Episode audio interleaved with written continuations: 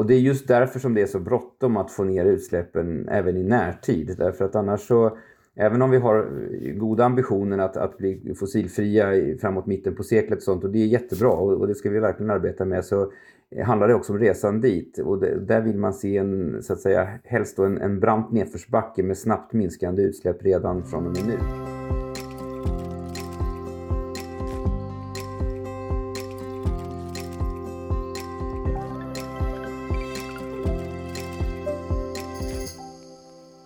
Senaste klimatmötet i Dubai ingav hopp. Världens länder kom överens om att fasa ut de fossila bränslena. Men frågan är om tillräckligt. Därför träffar vi idag Erik Källström som är professor i klimatologi vid SMHI. Och vi som håller i trådarna är jag, Nikita Seilot. Och jag, Palle Liljebäck. Det här är Naturvetarpodden.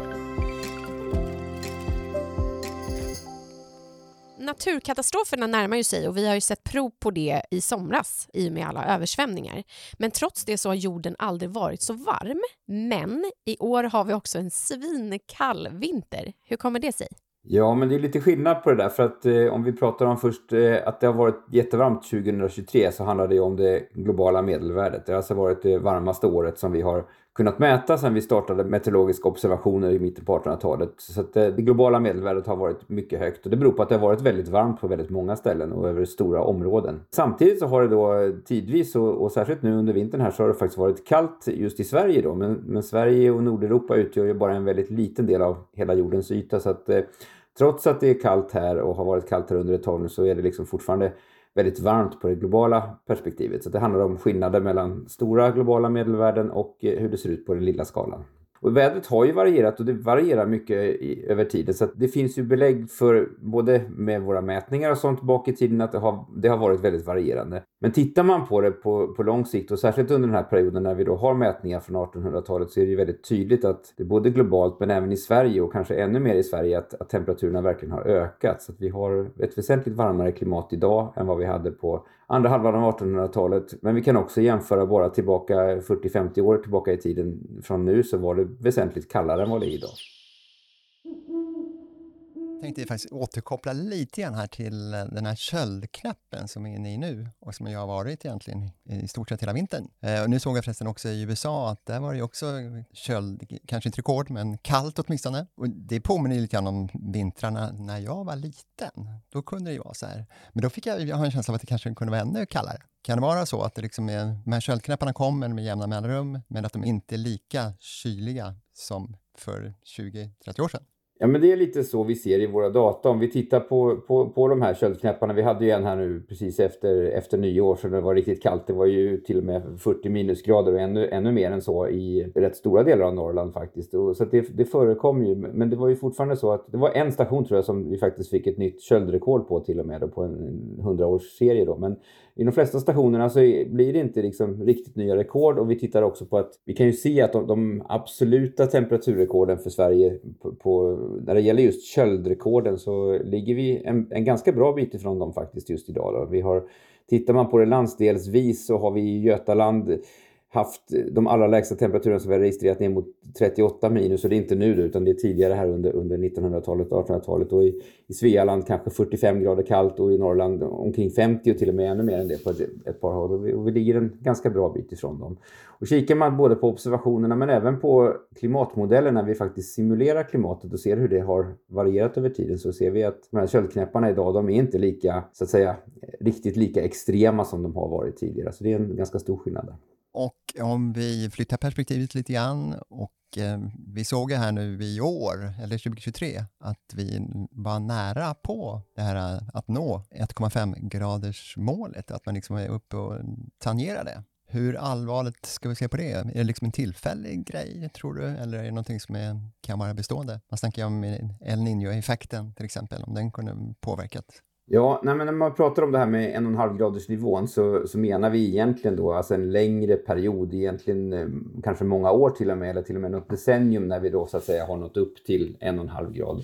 Och nu under året som gick så har det då varit, eh, det har varit många dagar, enskilda dagar och, och, flera månader faktiskt när vi har varit över en och en halv grad kan man säga. Men som årsmedelvärde inte riktigt där. Men det är klart att det här är ju ett tecken då på att, att den globala uppvärmningen fortgår och det blir allt varmare. Sen under året som var så var det precis som du sa att, att eh, i mitten där på sommaren så, eller i början på sommaren så gick vi över till ett sånt här El Niño-läge som det heter när det då är väldigt varmt över stora delar av centrala Stilla havet och det, det, det avspeglas också i det globala medelvärdet. Så det bidrar och alla sådana här El Niño-år de är så att säga de är lite de är varmare då än, än andra år och vi har ju också motsatsen som heter La Niña när det istället då är är kallare och det hade vi då året innan den typen av förhållanden.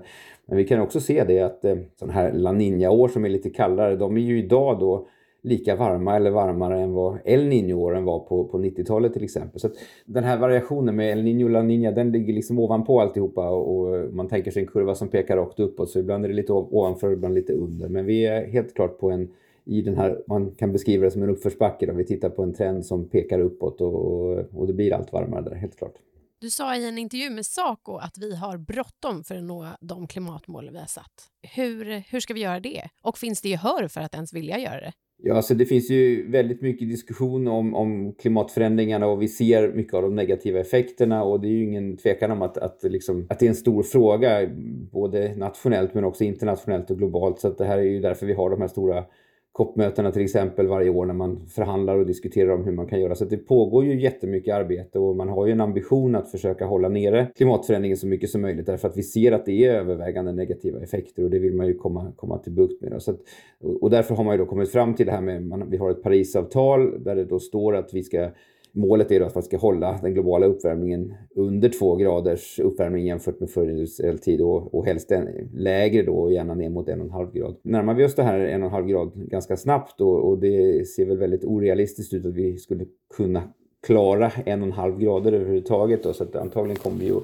passera den nivån här inom ett antal år eller något decennium och så. Och sen eh, får vi se hur pass långt utöver det det, det går. Då. Men Alltså det finns ju definitivt både diskussioner och ambitioner om man jobbar för att klara det här målet. Och samtidigt så eh, världens befolkning har ökat, vi släpper ut väldigt mycket koldioxid. Och, så att i, just i dagsläget ser det ju inte ut som att vi absolut inte kommer att klara en och en halv graders eh, nivån och, och kanske knappt heller två graders nivån som det ser ut just nu. Men eh, där är ju bara att jobba vidare som sagt med de här internationella överenskommelserna på ena planet, på den politiska nivån, men sen måste man ju även ner i den lilla skalan och titta på vad var och en bidrar med och hur samhällena ser ut och sådär. Vad, vad, ja, hur det ser ut i, i Sverige till exempel då, och lokalt där man bor. Och, och det här senaste COP-mötet då, nere i Dubai, det har ju beskrivits ibland som ett historiskt avtal. Skulle du vilja säga att det är det? Här pratar man om att fasa ut fossila bränslen för första gången. Men man kan ju säga att det är en viktig markering och att det nu äntligen står det i ett avtal internationellt att man säger att man ska ha bort de fossila bränslena. Det, det är ju första gången det finns i skrivningarna på ett sådant internationellt avtal som alla har liksom, så att säga, satt sin, sin signatur under. Så det är ju viktigt och på det sättet är det absolut historiskt. Sen, sen som jag sa innan så är vi fortfarande i en situation när utsläppen är väldigt höga och de, de, är ju liksom, de har ju ökat igen. I pandemin här om året såg vi en viss nedgång men nu har det ökat igen och det är klart att läget är ju på så sätt mer allvarligt nu. Men eh, det ger ju ändå ett visst hopp att man har eh, den typen av skrivningar och det finns ambitioner på att man ska försöka få bort de här fossila bränslena så fort som möjligt. Då. Men eh, det är en lång väg att gå dit och jag skulle säga, inte säga att det här mötet liksom har löst problemet på något sätt alls. Men precis som alla andra sådana här COP-möten så är det, ett, det är ett steg på vägen och det är ett långsiktigt arbete som måste göras. Och, det, och man ska också komma ihåg att det går ju inte snabbt att ställa om hela, hela världens eh, både energiförsörjning och, och, För det handlar om en samhällstransformation som man pratar om här som måste till. Liksom. Alltså jag kan både se positivt och negativt på det. Alltså jag ser positivt nu, men Joe Biden har ju lagt väldigt mycket miljö... Alltså USA på väldigt länge har tänkt miljötänk. Det ser jag som positivt. Samtidigt så känner jag att det är lite teater och jag vet inte vad, vad heter det, fars i vår egen riksdag. Allt ifrån miljöpolitiker till eh, gud vet allt. Men någonting som jag ofta hör, för du, du delade upp det i två, att så här, ja, men det, be, det behöver ske någonting politiskt, absolut. Men också att gemene man måste göra någonting och ändra sitt tänk och sitt hur, hur vi lever. Och jag har upplevt att väldigt många i närheten av mig säger så här, men gud, dels att vi bara är i lilla fjuttiga Sverige, vad kan vi göra? Eller vad spelar det för roll om jag inte källsorterar? Vad kan lilla jag göra? Vad skulle du säga till dem som känner så här, nej men gud, jag är bara en liten, en liten, liten pusselbit i ett tusenmannaspel? Så är det absolut. Alla, ingen kan ju göra allt och ingen kan ju ensam lösa det här problemet, men alla måste vara med och bidra. Så, att, så enkelt är det egentligen. Och, och, det man kan göra i, en första sak man kan göra om man inte har gjort det, så kan man ju faktiskt försöka titta på sina egna, sitt eget koldioxidavtryck som, som en del i det hela. Sen eh, är det ju svårt att ställa om och det, och det är det för alla. Eh, men här måste man ju också då kunna få hjälp så att säga, till exempel av nationella politiker och bestämmelser och lagar. Men vi har ju också företagen och de vill ju också ställa om. Så det finns ju en, det finns en stor uttalad vilja och ambition om att just ställa om och, och arbeta med det. Så att man måste jobba med alla de här bitarna samtidigt så att säga, parallellt. Och vi ser nu också att eh, regeringen sänker ambitionerna. Först ska man höja utsläppen och sen ska man minska på sikt. Hur ser du på den eh, strategin? Ja, det finns ju ett, ett, ett, allmänt problem med det och det handlar ju om att eh, den liksom samlade effekten av, av, våra utsläpp den handlar väldigt mycket om de ackumulerade utsläppen över tid. Alltså det vill säga hur mycket utsläpp vi, vi släpper ut ja, över, över hela tidsspannet så att säga. Och det är just därför som det är så bråttom att få ner utsläppen även i närtid. Därför att annars så Även om vi har eh, goda ambitioner att, att bli fossilfria framåt mitten på seklet och sånt och det är jättebra och, och det ska vi verkligen arbeta med så eh, handlar det också om resan dit och det, där vill man se en, så att säga, helst då en, en brant nedförsbacke med snabbt minskande utsläpp redan från och med nu. För om vi fortsätter att ha höga utsläpp eller om de kanske till och med ökar under, under en del av den här perioden så kommer det den dagen vi kommer fram till mitten på seklet och även om vi då liksom skulle ha lyckats med att få ner utsläppen väldigt snabbt i ett slutskede så har vi på resan dit så att säga ställt till mer skada under tiden och det är det som är, det är, det som är problemet där. Så det gäller att snabbt försöka få ner utsläppen så att vi minskar på de samlade utsläppen över tid. Kan det inte också sända en signal om att eh, det är inte så viktigt, det är inte så bråttom, vilket då kan påverka ens egna beteendet. Jag kan ju faktiskt ta, unna mig den här resan till... Eh... Maldiverna. ja. Jo, men det är självklart så att, att eh, allt som görs så här, det har man ju till exempel i senaste IPCC-rapporten pekat på att, att eh, liksom det politiskt ledarskap är också någonting som är viktigt och hur man pratar om de här frågorna. Så det, det är ju någonting man, man pekar på, det, att man kan ju så att säga välja att gå före och, och vara ledare eller också så kan man ju ja. Sitta i baksätet. Ja, men det är ju lite så, så, så det ser ut. Och, och, där är det positivt att liksom EU ligger ju långt framme. Vi har ju en EU-lagstiftning e som är, är ambitiös. Sen är det väl så att EUs eh, klimatmål inte heller räcker till och det räcker inte bara att sitta och liksom vänta på att vi ska uppfylla vad, vad EU tycker och tänker utan eh, särskilt om vi ska klara de här liksom mer ambitiösa temperaturmålen som finns så, så vill det till att vi verkligen jobbar eh, ännu hårdare så att säga och faktiskt skärper de här klimatmålen som vi har rätt så rejält jag tror att det är dags för lite skrämselpropaganda, höll på att säga. Nej, men det känns som att, lite som du var inne på, Palle, att så här, om våra politiker inte ens sitter i ledarsätet, alltså, eller tar ledartröjan, som vår tidigare gäst sa, då blir man ju så här, men gud, vad, varför ska jag då? Men vad ser vi för jord? Har vi ens en jord? Vad händer om vi bara skiter i det här och vad har våra barn för framtid då? Alltså det finns ju väldigt mycket scenarier för framtiden där man tittar på eh, hur det kan se ut på jorden när, när den så att säga har blivit två grader varmare jämfört med förindustriell tid eller, eller ännu varmare till och med. Eh, och då när man tittar på effekterna av det så kan man ju liksom börja och, och stapla dem på varandra och se lite grann vad, vad är det för någonting som händer. Och det är ju det är flera olika saker som, som, som händer och ställer till det men ett av de riktigt stora problemen handlar om vattentillgång och hur många människor som, som så att säga lever med någon slags vattenbrist. Det är en siffra som har ökat väldigt mycket de senaste decennierna. Delvis på grund av att befolkningen har ökat i många områden men också delvis och till ganska stor del på grund av att det faktiskt har blivit varmare och, och torrare på många ställen. Och här ser vi framför oss i ett allt varmare klimat fortsatt ökande problem kring, kring detta. Då. Det handlar mycket om de stora liksom, områdena i, i närheten av, av, de subtropiska områdena. Vi pratar i Europa om Medelhavsområdet framför allt kanske, men, men sen pratar man också om Indien och, och delar av Västafrika och andra ställen. Och sen har vi ovanpå det då att när glaciärer i bergen och sånt smälter och vi får mindre vatten i våra vattendrag och floder så är det också någonting som kan bidra till det, där, till det problemet. Och då, och då tänker jag kanske framför allt här på Himalaya och, och, det vattnet som finns där och som försörjer väldigt många människor i storleksordningen en miljard eller mer med, med dricksvatten så att säga. Och allt kommer naturligtvis inte försvinna på en dag men ökande problem kring det här med eh, dricksvattentillgång. Så det är ett av de stora problemen. En annan sak som, som kommer och den kommer ju kanske ännu mer på ännu längre sikt sen så är det ju det här med havsnivåhöjningen också. Där låglänta områden i världen, många stora städer och annat eh, successivt kommer att få allt större problem då med, med högre havsnivåer. Och där är det också väldigt viktigt då naturligtvis att hålla den här globala klimatförändringen så, ja, att, att hålla ner uppvärmningen så, så, mycket som möjligt. För där är en förändring som vi ser framför oss kom, som kommer att fortsätta i, i, kanske flera århundraden till och med efter det att vi har så att säga möjligen kommit till bukt med problemet då. För haven har en väldigt lång responstid. Det tar väldigt lång tid innan de så att säga har höjts hela den nivån som, som den här extra värmen kommer, kommer att medföra. Då. Vi ser ju effekterna ser vi faktiskt redan idag. Jag menar, de här eh, 2018 var ju en sån här tankeställare till exempel och jag menar, som Nikita började med översvämningarna. Men ändå så tar man inte det riktigt på allvar ändå. Man undrar ju då vad, vad, vad behövs? Vad behövs? Ja, lite så.